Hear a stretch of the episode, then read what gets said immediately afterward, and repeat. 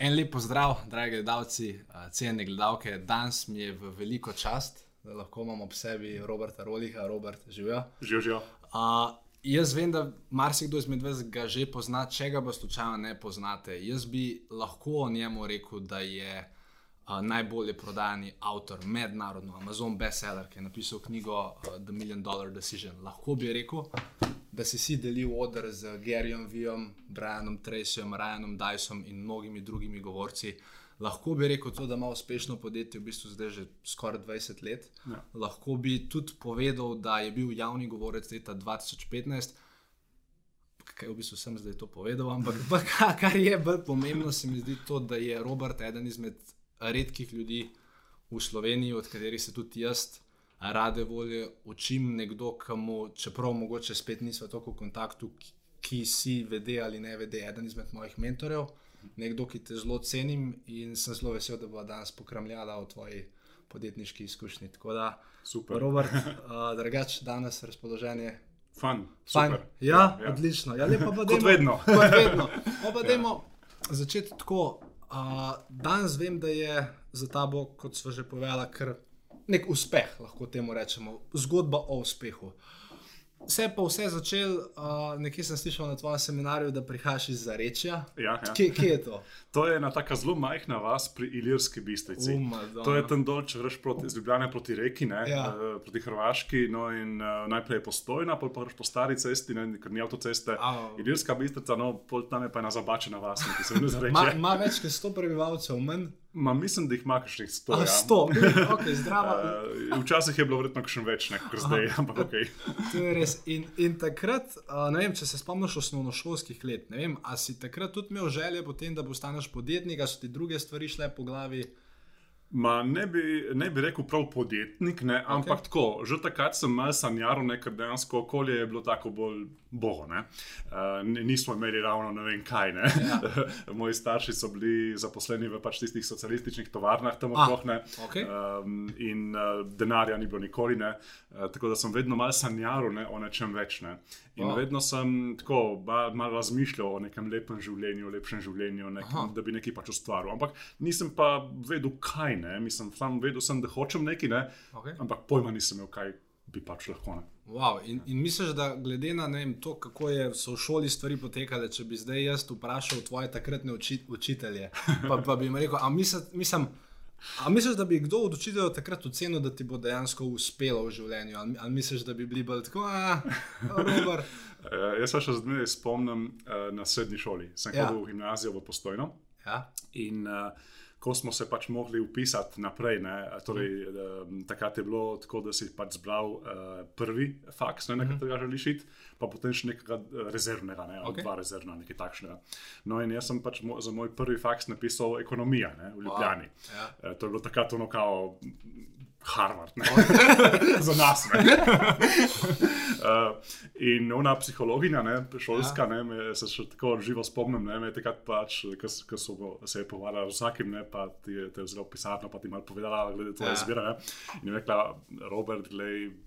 Jaz bi na tvojem mestu kakšno drugo prvo opcijo dala, ker tukaj ne boš prišel, ne v tem smislu. Ne. Uh, tako da, ja, definitivno bi rekel, da ne. ne. Mislim, bi, bi Pa si prišel, ne? Pa si prišel Ja, na ja, sem prišel, sem Aha. prišel. Ja, ja. Okej. Sem se odločil in sem prišel. Bravo. Ne, mislim, za- za- zanimivo je. Torej, to je bil dejansko tvoj prvi, da reči, da, da, da je nekdo te probo pregovoriti. Ja, Iz ja, tega, ja. da nekaj Mislim, naredi- okay, vse je bilo še prej, ne, ampak tam je ostal tako živ, živo v spominu, ne, ker tako je bilo res, resen pogovor. Ne. Ja. Ja. Lej, Robert, ti nisi sposoben za priti na ekonomijo, lej, rajši se upiši kakšno lesarsko, ne vem kaj. Ne. Wow. In to bo to. Ne. Ja. Mislim, lep, mislim, sem vesel, da nisi tistega na sveta upošteval, da, da si šel po svoje.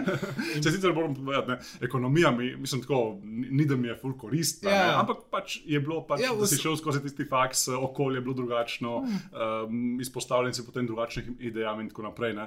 Eh, Pa tudi, če nisi bil pri- priden študent, ne, vseeno ja. nekaj odneseš od tega. ne. No, fajn. In, in potem, ne vem, nekje v študentskih letih ali pa na koncu študentskih let Ja. si ustvaril svoje prvo podjetje, če Ja, ja, prav razumem. Okay. Kaj, kaj si prodajal, Tako, kako, kako je do tega prišlo? Ja, torej, uh, jaz sem na, najprej tako, prva študentska služba. Torej, jaz sem nekje v kaj bo, drugi, ali pa tretji letnik, se ne spomnim točno, mm. drugi ali tretji letnik faksa, sem uh, seveda ugotovil, ne po lastni krivdi, ne, ampak mm. po krivdi moje takratne punce, ki je zdaj žena. No. Okay. Aha, vse tukaj vsi vidijo, ne, to, ne. Uh, skratka, uh, ona je imela tako zelo veliko vpliv na moje življenje. Okay. V smislu, da mi je brco urit, da se malo zmigam. Okay, Jaz sem takrat še vedno malo sanjaral, pa bral znanstveno fantastiko, nastopne. Sem bil tako malo taka zgubljena duša. Okay. Vedel sem, da bi neki, ne sam. Akcije pa ni bilo. Okay. No, ona mi je dala malo brca urit, da sem dobil prvo študentsko službo. In tista študentska služba me je pa navdušila, ne? zato ker sem tam bil izpostavljen pa enim novim naborom znanj. V smislu, bil sem zaposlen pri enem podjetju, ki uh, dobil sem eno službo pri enem podjetju, ki se ukvarja z direktnim marketingom. Preleša. Ja, prva Ja, ja, listu. prvič, okay, Tako, ja. To je bila moja prva študentska služba. Aha, super. in uh, on je imel tam eno zelo veliko omaro knjig. In mene so pa knjige vedno zanimale. Ne? In sem rekel, ok, znanstveno fantastiko fulberem, ne pa če bi kakšno še kakšno poslovno, ne? ker pač mi je bilo tako simpatično. Ne? Pa še niso bile nekako na faksu, ne? tiste dolgočasne, tehnične, ne? ampak so bile take luštkine, ne? so imeli naslov Guerilla Marketing, Ja, pa tako, ja. ne, sem si rekel, oh, pa to ne. In sem si jo vzel, sem si sposodil, ne odaleč. Ne? In potem sem začel to brati. ne. In dejansko sem v, z- v enem letu ne, sem prebral uh, skoraj da 300 knjig, ne, Tris, ali 350 knjig, tako eno na dan, ne, dobesedno. In to mi je potem popolnoma spremenilo življenje. Zato, ker sem v enem letu ne, pridobil toliko znanja o psihologiji, o marketingu, mm. o prodaji, o poslovanju, uh, kot ga večina ljudi nikoli ne dobi. Ne. Ja, 300, 300 knjig, to mislim, ker jaz, če gledam svoj seznam, jaz sem prebral ene 100 poslovnih knjig v zadnjih 4 letih. To je zelo dober tempo, ena na dan. Ja, ja, čestitke. ampak takrat sem imel čas. Ne. Ja, ja, ok, ok. Zdaj, zdaj definitivno ni več tako, ne po vseh otrocih, Mm. pa biznisih, pa tako naprej. Ne. Pa tudi konec koncev um, ne bi nikomu priporočal uh, kasneje v karieri nekaj takšnega se ja. iti. ne. To je takrat, ko imaš čas, pa si študent, ampak takrat mi je pa to ful pospešilo krivuljo učenja. Ne. Okay. Um, in uh, zato, ker sem pa potem imel vsa ta znanja, ne, sem pa razmišljal, okay, kaj pa lahko s tega še naredim. Ne? Ker pač okay, študentska služba, vse veš, kako je. ne. Ja. Uh, tistih par evrov na uro, nekaj dobiš. To je to. Mm. Uh, sem hotel nekaj več. Ne? In potem sem razmišljal, okay, kaj bi lahko s temi znanji naredil. Ja, ampak denarja, seveda, nisem imel. Uh, tako da sem razmišljal mogel ne o, neki, ne o nekih produktih, ne, ampak o nekih storitvah. In takrat sem se pač sam naučil izdelovati spletne strani. Oh, Takrat je bilo, uh, to je bilo začetki interneta v Sloveniji, tistega resnega, ne, je okrog leta 2000 ne, uh, ali pa kakšno leto prej. In um, uh, internet se je pač strmo, strmo zač, uh, začel uporabljati. Podjetja so imela popolnoma za nič spletne strani, brez nekega smisla in tako Ja. naprej, samo pisalo je dobrodošli na našo spletno stran ne, in to je bilo to. Uh, in jaz sem pa imel ta marketinška znanja. Ne. Ki sem jih pridobil skozi vse te knjige, pa pri delu, ne, pri Ale- pri Alešu. ne. In um, potem sem pač združil to znanje, tehnično, kako narediti spletno stran, ker sem se pač sam naučil preko interneta in tako naprej, uh, in pa marketinški del, ne, ki ga pač moraš tudi razumeti, ne, da lahko narediš neko učinkovito spletno stran. In sem potem rekel, ok, pa ne bo to moja storitev. In sem začel to ponujati podjetnikom.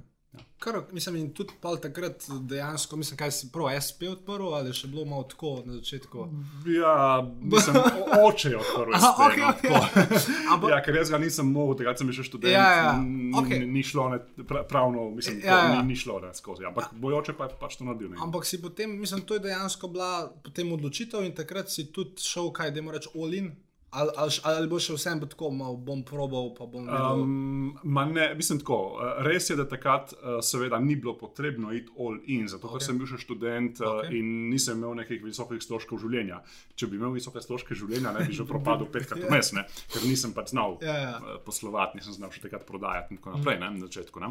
Uh, ampak um, uh, de, definitivno sem, uh, sem, je bila to moja glavna stvar. Potem sem pa vmes še imel neke pač še dodatne neke službe in tako naprej, ne, ker od tega biznisa na začetku nisem, nisem mogel. Aha, torej ni, torej, Ni da sem postal uspešen čez noč. Ne. aha, ure, ja. torej tudi na začetku si imel to pot pacov, Ja, ja, ja, kar, vseh zelo, teh zelo, stvari. ja, ja, ja. Zelo. Definitivno. Aha, pa si potem, uh, mislim, da je pa potem res rekel, da, da se je na tvoji poslovni poti zgodil tisti, uh, da je temu reči, preboj, oziroma takrat, ko je šlo zdaj to iz nekega hobija v nekaj, kar res Aha. uspeva. Kdaj je bila tista točka? Definitivno takrat, ko sem se naučil prodajati. Okay. Torej, ko Wow. sem se jaz, um, moja težava na začetku kariere je bila ta, da sem poznal marketing, sem poznal psihologijo ljudi in tako naprej, ampak prodajal sem po navdihu. Mhm. Ko sem jaz šel do podjetnikov, naj jim ponujal te moje internet storitve, uh, sem se pač tako malo pokramljal z njimi, pogovarjal in tako naprej. Nisem sploh razumel, kaj je prodaja. Mhm. Nisem vedel, da prodaja ima določene faze, nisem razumel, da prodaja je neka znanost. Ne? Uh, in sem vse delal po navdihu in rezultatov ni bilo. Hmm. Potem, pa, ko sem se enkrat naučil, tukaj bo najbolj zaslužen Brian Tracy, hmm. skratka, ne osebno, ampak yeah. njegove knjige. Uh, in sem se, uh, sem se začel zavedati, da prodaja je pač znanost in sem začel to implementirati v moj prodajni proces kar naenkrat sem uh, uspel zelo veliko prodati. In uh, to mi je popolnoma spremenilo poslovanje, zato ker je kar naenkrat pritakalo v podjetje kar nekaj denarja.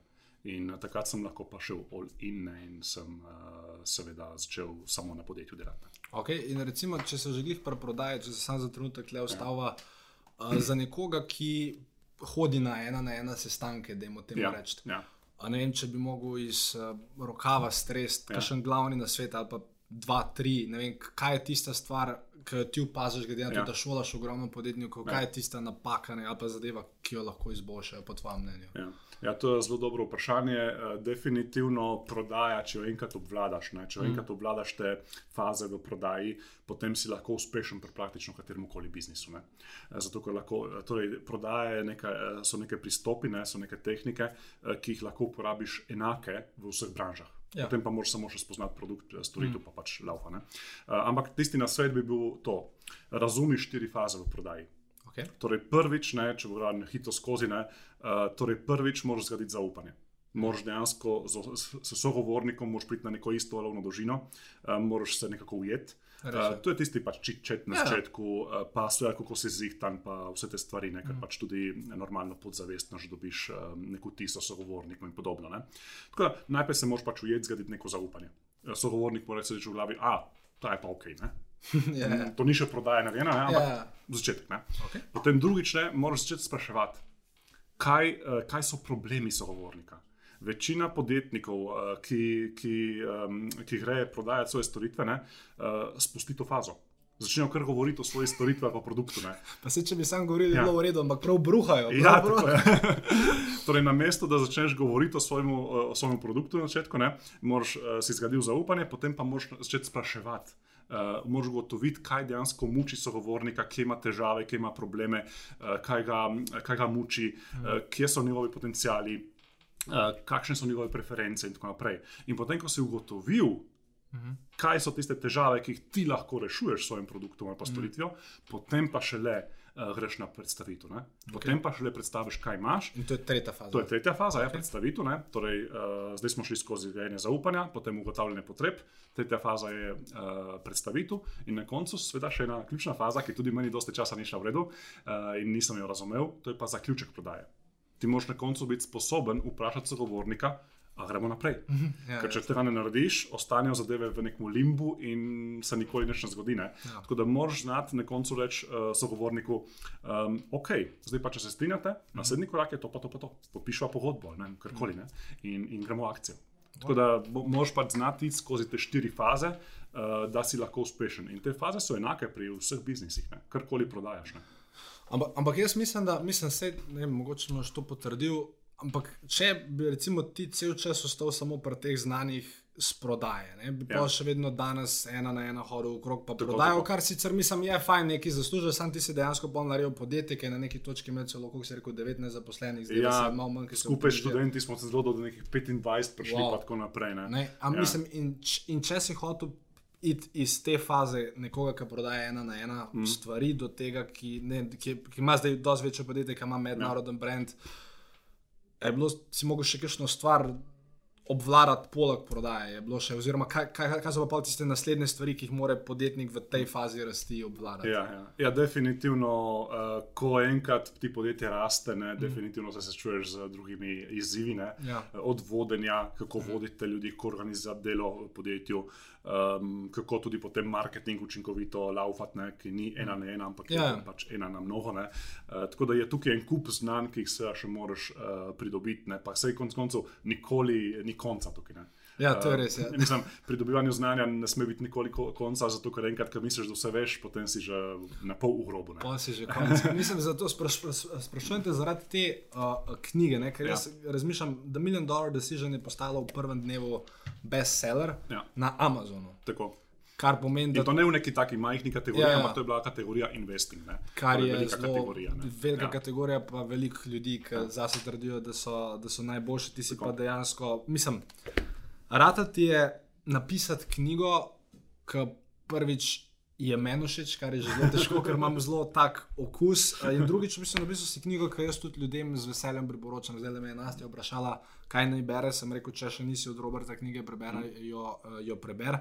In če bi mogel ne, vem, na hitro povedati, o čem ta knjiga govori, ker pa se tudi dotaknila naše Ja. ja. marketinške kampanje zadnje. Mm. Ampak vem, če mogel na hitro povedati, o, o, kar piše podnaslov je Get out of the rigged game of investing and add a million dollar to your net worth, kar v bistvu povzame verjetno Tako, ja. knjigo.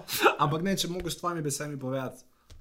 Čisto, eno- ja, či, čisto enostavno, uh, ljudje vlagamo uh, svoj denar. To je, ko enkrat zaslužiš nekaj denarja, tudi ugotoviš, da ga moraš nekaj pač vlagati. Ne? Za penzijo, za neko varnost, uh, zato da ga pač oplemenitiš in tako naprej. Uh, ampak problem je, da finančna industrija in svetovalci um, niso tako, v- kasneje to vse ugotoviš, ne, niso tvoji prijatelji. In oni delajo več ali manj zase. In seveda, če ti slediš njihovim nasvetom in vlagaš v produkte, ki ti jih oni priporočajo, so to običajno, ne vedno, ampak običajno so to najslabši možni produkti, ki se večino denarja prenesejo njim, ti pa dobiš dejansko le drobtince ali pa izgube. Uh, tako da knjiga govori o tem, kako se izogniti uh, vsem tem težavam, uh, ki te čakajo na poti pri vlaganju svojega denarja, in kako vlagati na en drugačen način, uh, kjer večino ali pa 95% vseh možnih dobičkov dobiš ti, ne pa finančna industrija. Tako da, kako ločiti slabe finančne produkte, ki ti dejansko delajo izgube, od tistih, ki uh, ti lahko delajo nek lep profit in dobiš profit ti, ne pa finančni svetovalec. Mislim, da bi se splačal vedeti. Vsakmu tudi tunmu, ki še ni ustvaril presežka denarja, če drugega ne da takrat, ko ga boste Ja, da, sej, da, ne boste dejali. To je, ne, bo- bolje je te stvari izvedeti čim prej, mm. uh, zato ker enkrat, ko uh, padeš v kremplje finančne industrije, je fertik. Ne? In uh, vse skupaj pa dejansko izhaja iz moje osebne izkušnje, zato ker sem sam tudi doživel vse stvari. Okay. Vprašanje nazaj na to, da mi samo povej, uh, knjiga, drugač, aha, 24 evrov, 23,95. Tako. 23,95, jaz mislim, da je knjiga vredna dosti več kot to, toplo vam jo priporočam, da jo preberete. Sem pa Roberta na hecu, ker vseeno. Um, Sem rekel, Robert, če jaz na začetku par lepih stvari v te povem, a bi lahko mi kakšno knjigo podaril, ne se se heca. Ampak Robert je bil. sem rekel, da ne. ne? Ja, Robert, Robert je bil danes tako prijazen in je sam prinesel štiri knjige. Eno bomo mi obdržali, ker, se, ker jo bom jaz prioritetno dal vsem v firmi, da jo preberejo. Cool. Uh, tri smo se odločili, da vsem, ki gledate to na YouTubu. Uh, bova naredila tako. Če si želite to knjigo, dajte sporej v komentar. Torej, na računalniku ga imate takoj sporej, na telefonu morate iti malo nižje, pa imate tam komentar sekcijo. Uh, napišite nekaj v smislu, ja, želim si knjigo ali pa rad bi imel knjigo, pa dajte sam zraven nek razlog, zakaj bi radi imeli to knjigo. Torej, ne vem, želim se naučiti več o financah, ali pa imam višek denarja, rad bi vedel, kam ga investirati, ali pa nočem narediti napak. Skratka, en razlog nam dajte, zakaj si želite to knjigo in od vseh, ki boste do konca februarja 2020 sporej pod tem videom dal komentar, bomo žrebali uh, tri srečne. Uh, Pač, i- i- srečnike, uh, Robert, Pa še podpisal A bom bo, knjigo, boš, ne? ja, to, ja, no, seveda, no, seveda, dej, pa tako, tako, Robert bo ja. podpisal knjigo in potem bo v bistvu vodja njegove pisarne vam to poslala na dom. Jaz bom to organiziral, jaz se bom z vami vse zmenil, bom naslovil bo se v Robertu in ja, če bi radi imeli to knjigo, oziroma kar dajte si zagotoviti to knjigo, tudi če imate, pa magar za koga drugega, uh, bo Cool. te tri podarila in ker smo glih pri knjigi. Uh, ja, mislim, bestseller na Amazonu uh, pfu, je kar uh, challenge. Ja, Uh, oziroma, večini ljudi ne pozna že v Sloveniji, samo to, da veste, je statistika ta, da večina ljudi v celem obdobju življenja knjige proda povprečno 365 izvodov ali 360, neki tasga. Robert je v prvih dneh prodal prek 1000 izvodov. Ja, mislim, da je bilo že, v- že, že prvi dan je bilo 1300 Tako, nekaj. ne. prvi dan in knjiga je postala bestseller. Da mi povej, vem, da sicer ne moreš v tem najnem pogovoru razkriti vseh korakov, Ja, ja, pa tudi vem, da tudi če bi jih, bi verjetno z to nekomu računal, ne bi to zastopil. Ampak vem, če bi lahko dal na svet ali pa dva, ki sta naredila to kampanjo uspešno. Zdaj tako, eh, tukaj bi ločil dve zadevi. Eno je sam produkt, ne, torej uh -huh. knjiga, ne, uh -huh. uh, in potem druga zadeva je pa marketinška kampanja. Okay. Uh, če hočeš ti narediti eno knjigo, ki bo res uspešna, ker recimo ta knjiga je zdaj tudi so odkupili pravice uh, že več založnikov, uh, od Bolgarije, Tajvana, prevedena je v kitajsko mandarinščino, uh, Indija zdaj pred kratkim je šla. Uh, tako da, če hočeš ti ustvariti, uh, bi bila je tudi dosti časa, smo bili naj, najbolj prodajena angliška knjiga uh, na Amazonu, na Nizozemskem. Wow. In tako mislim, tako, full, full, nekaj takih zanimivih stvari. Skratka, če hočeš to doseči, mora biti knjiga full dobro. Uh -huh. torej, ni dovolj, da je dobra ali pa da je zelo dobra, ne, ampak mora biti res uma top of the top. Ne. Pa ne pogovarjamo se samo o knjigi. Jaz mislim, da to, kar bo Robert zdaj povedal, ne vem, kaj bo, kaj mi ni povedal, ampak jaz mislim, da lahko to aplicirate pri kjer koli drugem Točno produktu, to, ki ga ja, hočete narediti bestseller. Ja, ja. Prvi korak bi torej bil, Produkt, imejte ne, dober moraš imeti- produkt. Ja, mislim, moraš imeti res nekaj posebnega. Produkt mora biti nekaj posebnega. Uh, ne more biti kot vsi ostali, mora nekako izstopati iz te sivine. Tako da, recimo, moja knjiga izstopa iz sivine uh, definitivno po tem, da vzamem to finančno, zelo kompleksno področje in ga naredim zelo enostavnega, pa hecnega. Mhm. Uh, dosti imam nekih, uh, bi rekel, tako uh, luškavih karikatur noter, mhm. malo se mal povežem z znanstveno fantastiko. Torej, tukaj sem tudi svoj hobi, ne, uh, sem povezal uh, s knjigo. A ja, znanstveno vzel sem- fantastiko? Ja, Aha, tako, okej. recimo, ne, noter se pohecam ne, z uh, Star Treka, mm. pa vključim noter neke stvari, pa R2D2, ne iz Star Warsov, pa tako naprej. Mislim, vključil sem neke elemente ne, iz mojega hobija noter ne, in jih povezal s tem, ne, da naredim zadevo za, zabavno in tako naprej, uh, kar drugi pač ne znajo. Ne. Ja, ker, Uh, tako da tukaj, tukaj bi se moče iščem za tisti art tudi tu, ampak ne vem, če bom zdaj našel, ampak se ceni važno. Skratka, uh, produkt je res tip top. Uh, drugič, um, treba je dobiti, če hočeš nekaj takšnega narediti. Uh, jaz sem dobil zelo veliko endorsementov, ne, oziroma testimonialov uh -huh. od zelo znanih ljudi. Recimo Brian Tracy ima izjavo na prvi strani, ne, mm. na platnici. Eh, Potem zadnji imaš tudi ne bestselling avtorje in tako naprej. Eh, Skratka, David Michaels, ne, ki je New York Times, Times bestselling avtor, pa tako naprej, torej so mi dali pač testimoniale eh, za knjigo. Um, To je torej produkt, ne, mora biti res tip top. Potem pa druga zadeva je pa marketinška kampanja. ne. Uh, in uh, tukaj uh, mogoče par takih elementov, ne, ki jih lahko izpostavim. Uh, knjiga je postala bestseller, zato ker sem se sam odločil, da bo postala bestseller. Uh -huh. In sem dejansko delal eno leto praktično na tem, da bo postala bestseller. Tako da ni bilo to stvar uh, na ključe. Ampak je bilo to stvar ene strategije in načrtovanega dela, eh, kjer se vse kampanje, vse akcije, ki smo jih naredili, eh, so se povezovale. Um, masovno smo delali in na e-mail marketingu, in na social media marketingu, uh, oglasih, plačanih oglasih. Um, potem uh, imeli smo uh, torej, uh, en kup partnerjev, ki so tudi tržili to še knjigo. pred lansiranjem. Vse še prej. Ne. To, Aha, to, okej. to dejansko akcija je trajala uh, ne vem, nekaj tednov, ne, da smo pač to naredili in da smo vse ljudi spravili, da kupijo to na isti, mislim, tako, da, da dosti ljudi je kupilo na isti dan. Um, ampak uh, priprave na to ne so bile pa eno leto. Recimo. Wow. Uh, tako da vedel, vedel sem, da če mi to uspe, da je to game changer za moje življenje. Ne. In zato sem pač posvetil ta čas vsemu temu. Um, tako da, definitivno je bilo en kup teh aktivnosti, ki so se pač vse fokusirale na to, da res tisti dan, dva, da naredimo bum.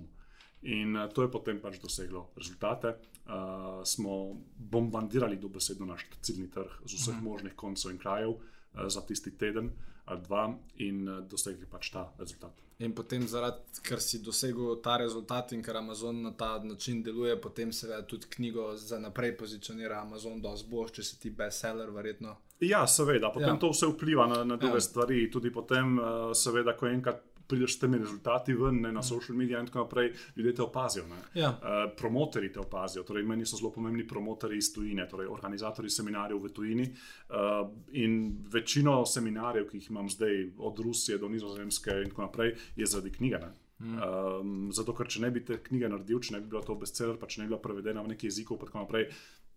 Ja, ne bi bilo, to. bi bilo Mislim, si še en predavatelj, ki pač je, ne, mislim, od tisočih. Ne. Ja, ja. Ko pa enkrat imaš tole, ne, je pa nekaj drugače. Mm. Se nekaj zgodi. Uh, pa tudi, recimo, fajn je še enkrat mogoče um, se res zavedati, da vsaka best-selling stvar, mislim, da tudi jaz sam pri sebi vem, mislim, vsaka stvar, ki ima nek uspeh, je zadaj zelo velikega dela. Ja, ja. In jaz mislim, da je Robert celo enkrat, ni, ne, ne spomnim se zdaj na pamet, ampak vem, da si enkrat celo napisal prav en tak dolg članek, ki sem ne vem, deset ur napisal, da si ga pisal o tem, kako si iz te knjige napisal. Točno to. Je nekje na blogu. tvojem, Ja, na- n- um, torej ne na blogu, ampak na Business na, Titans na online. business, business Titans online, če, če na, ja, če, napišete, če napišete v Google pot do nemogočega, Ja, mislim, pa Robert Trollich, Robo- Ro- bi Robert Trollich mogel pot do najti. nemogočega, Ja. uh, pa vam bo najdlo ta članek. Pa vam bo, ja. Je pa tako, full dolg članek, ker Mm. sem dejansko tako po, po korakih šel, eh, kako sem to akcijo izpeljal, pa vse te stvari. A, Se, se splača prebrati, se, se tudi jaz spomnim, ker sem to prebral in je, bil, in, in je bila fajn zadeva. Um, dej, ampak, ampak vseeno, ta panoga investiranja, to, mislim, v bistvu kjerkoli panoga mednarodno podred se pozicionirati kot ekspert. Ja. To ni enostavno. Pač, a je, mislim, ne vem, a, a je bilo tukaj še kaj drugega ali enostavno s tem, ker si ti naredil tukaj bestseller. Si pa s tem se lahko pozicioniral, ali so bili še kakšni drugi prijemi stvari, ki si jih izvajal? Ja, definitivno. Um, ni, to je en delček sestavljanke. Okay. Uh, če hočeš ti uspeti v taki eh, panogi, ne, v, v mednarodnem smislu, moraš imeti en kup uh, stvari, ki se pač poklopijo. Ne. In recimo en, en tak ključni del sestavljanke je to, da imaš seminar, ki deluje. ne. Uh, ker vsak lahko naredi content-only seminar, ne, torej da ti dejansko predaš neko znanje, ampak od tega ne bo živel. To ni, od tega ne bo ja. zaslužka. Uh, torej, promotori, pos- razen če nisi Brian Tracy, seveda. ne. Ja. Torej, če si ti ena zvezda, kot je Robert Kiyosaki ali pa Brian Tracy, te bodo promotori plačali, uh, ti bodo dali speakers fee, uh, zato da boš prišel nekaj predavati. In boš ti lahko samo neko vsebino povedal in si Je to končal. to, ja. Ampak vsi drugi predavatelji danes moramo pa znati prodati z odra. Mhm. In uh, jaz sem mogel pripraviti seminar, ki bo sposoben prodajati z odra. Torej, ki bom, kjer bom dejansko imel uh, seminar, ki, In, istočasno ljudem povedal uporabne stvari, Tako, ampak jim potem na koncu dal nekaj. In na koncu jih še povabil v neko nadaljevanje, mm. um, ki pa je plačljivo. Ne? Okay. In uh, vsi promotori normalno uh, sodelujejo, hočejo sodelovati s tabo, če imaš ti dobičkonosen takšen mm. seminar. Ne? Uh, če ga pa nimaš, potem pa si poz- pozabi. Ne? Ja, to, to, ne. Mislim, ne, ne boš imel biznisa z tega. Ne? In, in, če, in jaz sem nekje zasledil, da, da, da si ti, recimo, ker to je, to je meni zelo fascinantno, Robert, to, to je seminar, se ga bom pa tudi kasneje omenil. Uh, prvič je zelo uporaben, ampak istočasno, zato, da si ga ti naredil in uporabnega, in istočasno tudi, da se potem ta poziv za naprej v redu izide, da si tudi v bistvu tja, ne, da si mogel ne vem, sto in več nas ponovitev tega ja, seminarja narediti, da si najdel optimalno ja. zdevo. Jaz, če pomislim na, nazaj, ne, Ja. kakšni so bili ti moji prvi seminari, se bi smejal, ja. dobesedno. Ni, niti pri prvih seminarjih, ki sem jih imel o tej tematiki, mm. uh, sem vedel, da bi mogel nekaj pač nadaljevanje dati, ampak sploh nisem vedel, kaj. Mm. Tako da sem dejansko ljudem samo nekaj povedal in to, to je bilo to. Ja. In so se malo iskali, potem niso niti vedeli, kaj narediti. Ja, ja. Uh, skratka, prvi seminari so bili tako, in potem pa z leti, oziroma meseci in leti, ker sem pač to ponavljal, ponavljal, ponavljal, sem pa izboljševal, spremenjal, do, prišel do nekih novih idej, kako narediti zadeve, in uh, zdaj je pač zadeva že nekaj let, uh, ki laufa na eni izredno, izredno visoki uh, ravni in uh, prinaša rezultate fantastične. Ok, da mi nekaj povej, to je zdaj moje vprašanje, sem se ga spomnil, napisal, ga spomnil sem se ga. Ampak recimo jaz vidim, ne, se pogovarjam s podjetniki, veliko podjetnikov ima težavo, ker najdejo nekaj, kar funkcionira. V tvojem primeru ta ja. seminar, pa pa iz neznanega razloga probajo spremeniti ali pa nehajo delati uno, kar že funkcionira. Ja, ja. Ne, kako si se ti discipliniral do te mere, da si zdaj rekel, ok, imam nekaj, kar deluje. Dajmo zdaj mi, ne vem, fokus tja, ne zdaj spremeniti, ne tople vode odkrivati. Ja. Mislim, Mhm. Ja, a je to bila zavestna odločitev ali enostavno si? Ja, ja definitivno zavestna. Uh, mi smo imeli torej tako, pred finančno krizo, mm. Akademija Pantarej, ne, torej moja blagovna znamka izobraževalna, smo imeli en kup produktov. Oziroma, delavnic, seminarjev, konferenc in tako naprej. In je bilo vsega ogromno, res tako uh, številčno. In potem sem ugotovil, da če imaš ti toliko različnih teh storitev, oziroma produktov, oziroma seminarjev, da pri nobeni stvari ne moreš biti res izjemen. In uh, ta seminar je pravno antiteza tega. Ta seminar je pa en seminar, ki pa se, se izboljšuje že 6-7 let. In je, zato je tako dober. Zato tudi prenaša rezultate, zato so ljudje navdušeni, uh, zato dobijo fantastične informacije, pa še tisti, pač, ki želijo potem Ja, grejo naprej. ne. ja. Uh, tako da je, je, je čist druga filozofija, kot sem jo imel prej. Sem se začel zavedati, torej v neki točki sem se začel zavedati, da s tem pristopom, da imamo samo milijon stvari, Uh, in na koncu sicer s- misliš, da so dobre, ne? mm. ampak v, v, na koncu ugotoviš, da niso, ne? ker spoznaš en drugi svet, mm. uh, vidiš, da tisto je bilo za nič. ne. Ja. Uh, po, ampak potem, ko sem pa ta seminar ne, in ga toliko dodeloval, in tako naprej, pol pa vidiš razliko. Ne. In uh, moraš biti potem, seveda, uh, nekako fokusiran v to, da enega delaš, furaš in ga izboljšuješ. Ne. In to je to. Ne. Ja, mislim, ka- ka- kar je zanimivo, je tudi to, da to, mislim, se za vse one predvidevam, da večina izmed vas, ki to gledate, nimate seminarjev, imate neke druge produkte. Ja. Ampak zanimivo je to, kar je što Robert rekel, ko, ko enkrat v bistvu zožaš tvoj fokus na manj stvari, boš dosegel dosti boljše rezultate. Jaz ja. recimo vem, tudi ne vem.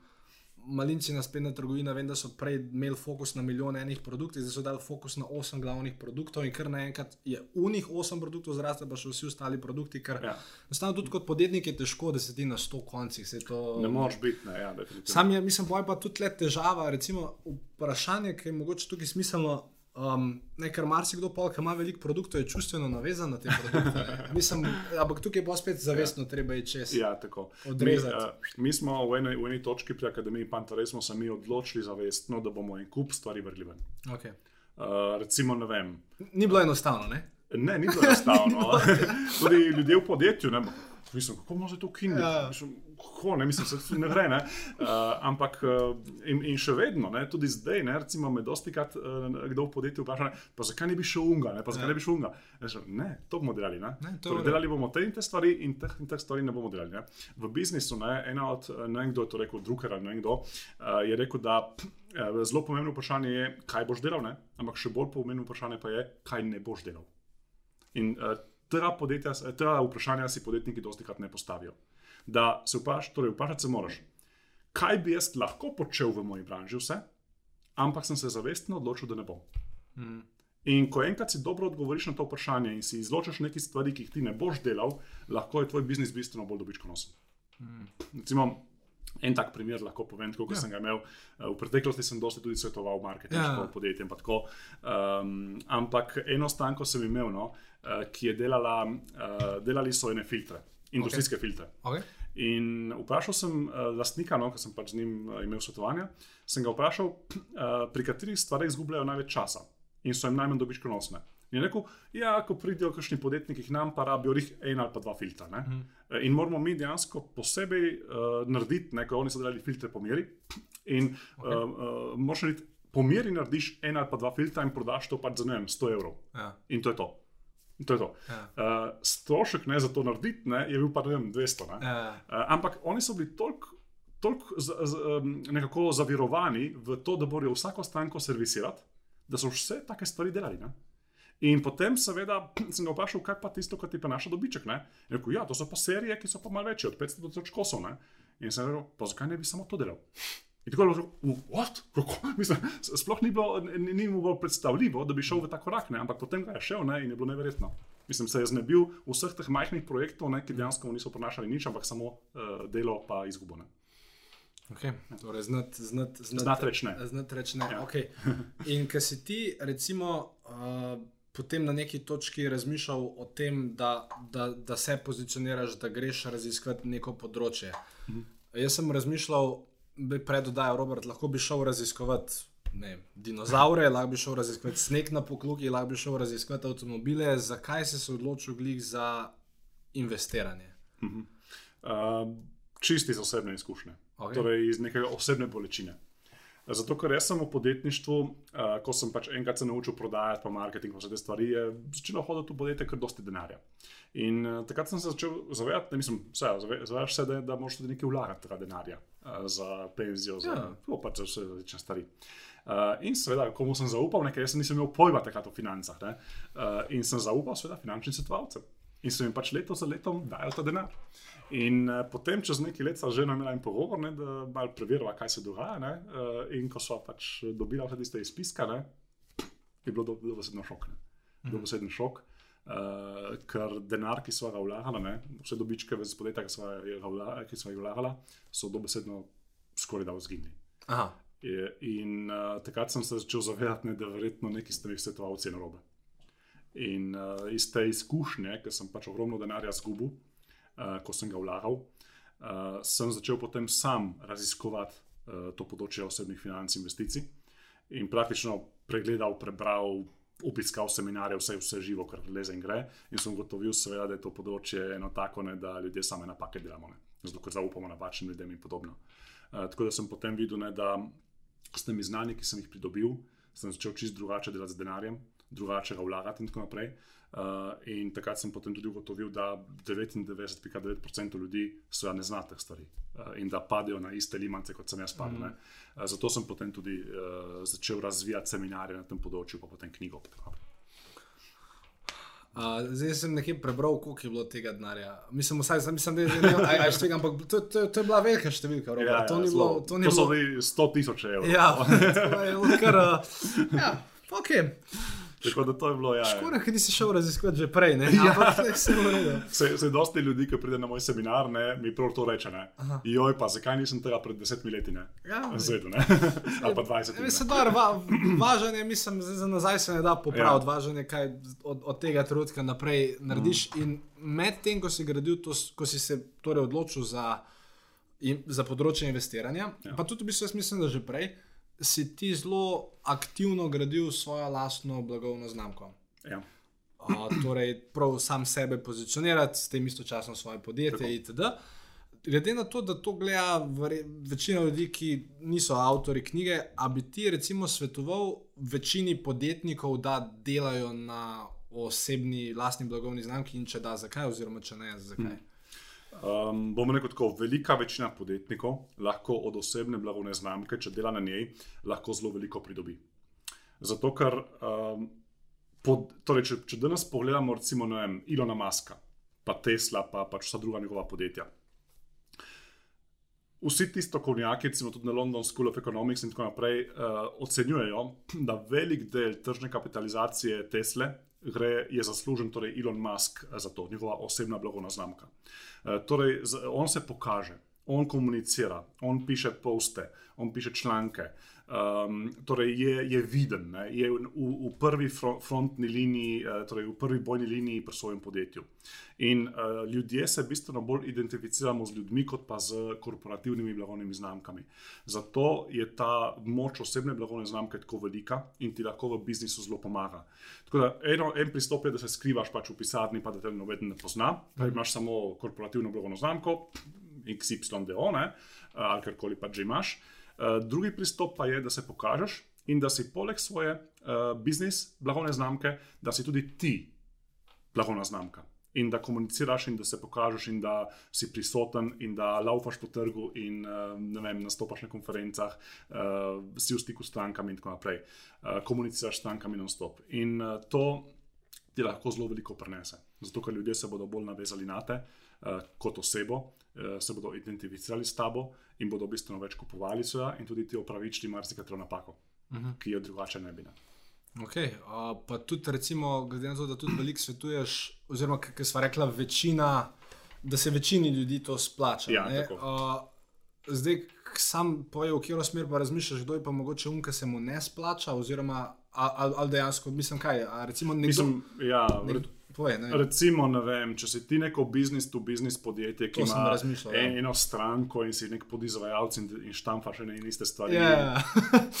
pa pač, bi bilo fajn, da prodaš ta biznis. nima nekega hudega smisla, da si gradiš osebno blagovno znamko. Mm. Ampak, če pa ti nagovarjaš neko širšo skupino, ne? če si ti business to customer, definitivno. definitivno okay. Če si business to business, ne? pa če nimaš ravno dveh kupcev in to je to, Pol potem tudi. pa tudi definitivno ti se splača pač graditi osebno blagovno znamko. Okay.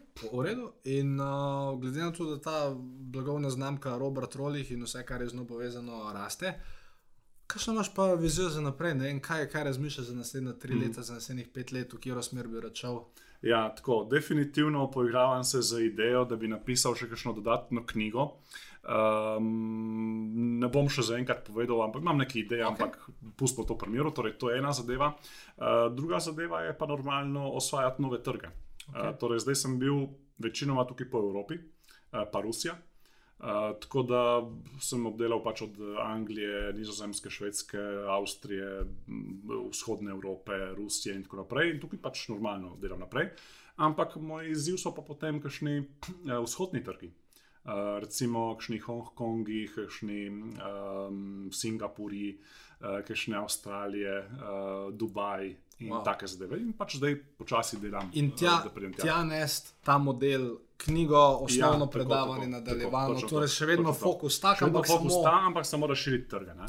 Um, tisto, kar se pa mogoče malo izogibam, je pa Amerika. Okay. Amerike se malo izogibam iz večjih razlogov, no, eh, predvsem pa zato, ker je trg tam izredno, izredno zasičen. Ja. In se mi zdi brez veze hoditi na trg, ki je že preveč zasičen. Mm. Zakaj ne bi raje obdeloval trge, pač svet je velik. ne. Ja, In tudi težišče razvoja globalnega se seli v Azijo, ne? Zato bolj razmišljam o azijskih trgih, kot pa o Ameriki. okay. Vrejo, zanimivo. Torej, ne vem, čez pet let, kaj če se ponovno usedeva, to pomeni, da bo že v bistvu kar Napoleon osvojil cel. Upajmo, ne? Ja, upajmo. bomo Okay. videli. Uh, in glede na, glede, na, glede na to, kar si zdaj rekel, a ti je sploh še v interesu, mislim, a bo sploh še naredil kakšen seminar v Sloveniji ali samo zunaj? Mislim, š, š, Načrt Slovenije. ne, Se hecam.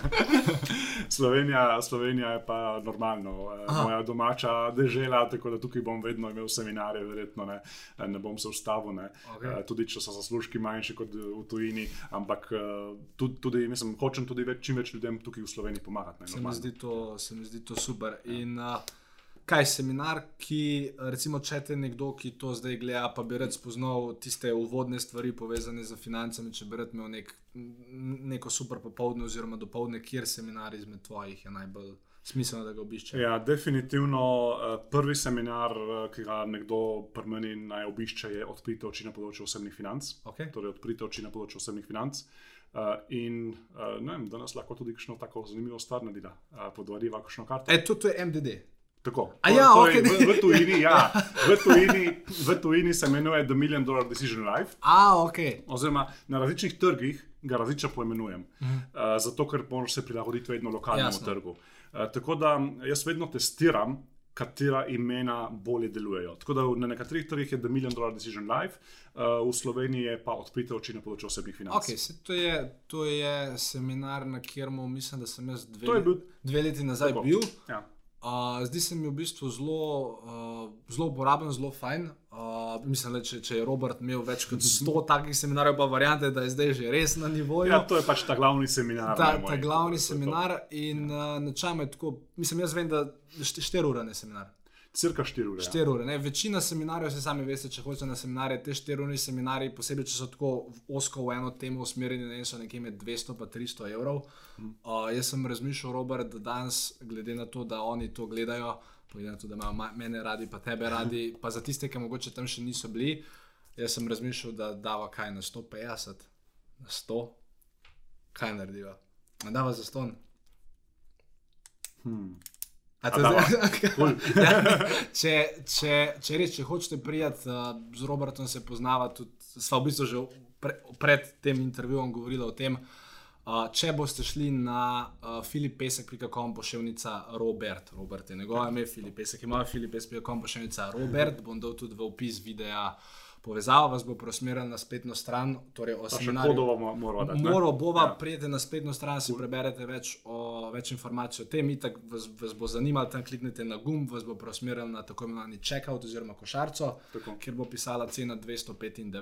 Ko prijete tja in unesete noter kodo Filip Pesek, pač Filip Pesek, uh, se vam bo cena iz 295 spremenila na nič. Nič. Nič in lahko pridete na ta seminar brezplačno, samo še zberete termin, ki je trenutno aktualen.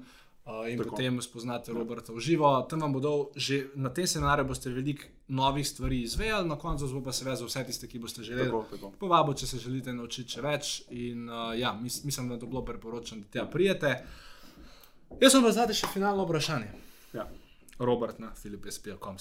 Robert. Tako. Um, leta 2000, najdel sem en intervju iz leta 2002, tvoj. Aha, cool. Um, v bistvu, tako mislim, kaj še en las več si imel, no, ampak tako sem, sem, sem te prepoznal. Um, takrat, torej spletne strani so bile tvoj fokus, takrat Ja, ja, je spletna ja. stran min grede stala en milijon dolarjev, približno to je okrog Za 4000. tiste, ki sploh veste, še kaj so bili to. Ja, ja, to je okrog, okrog to sem šel, pa, pa sem moral mogiti računati, to je okrog 4000 evrov. Ja.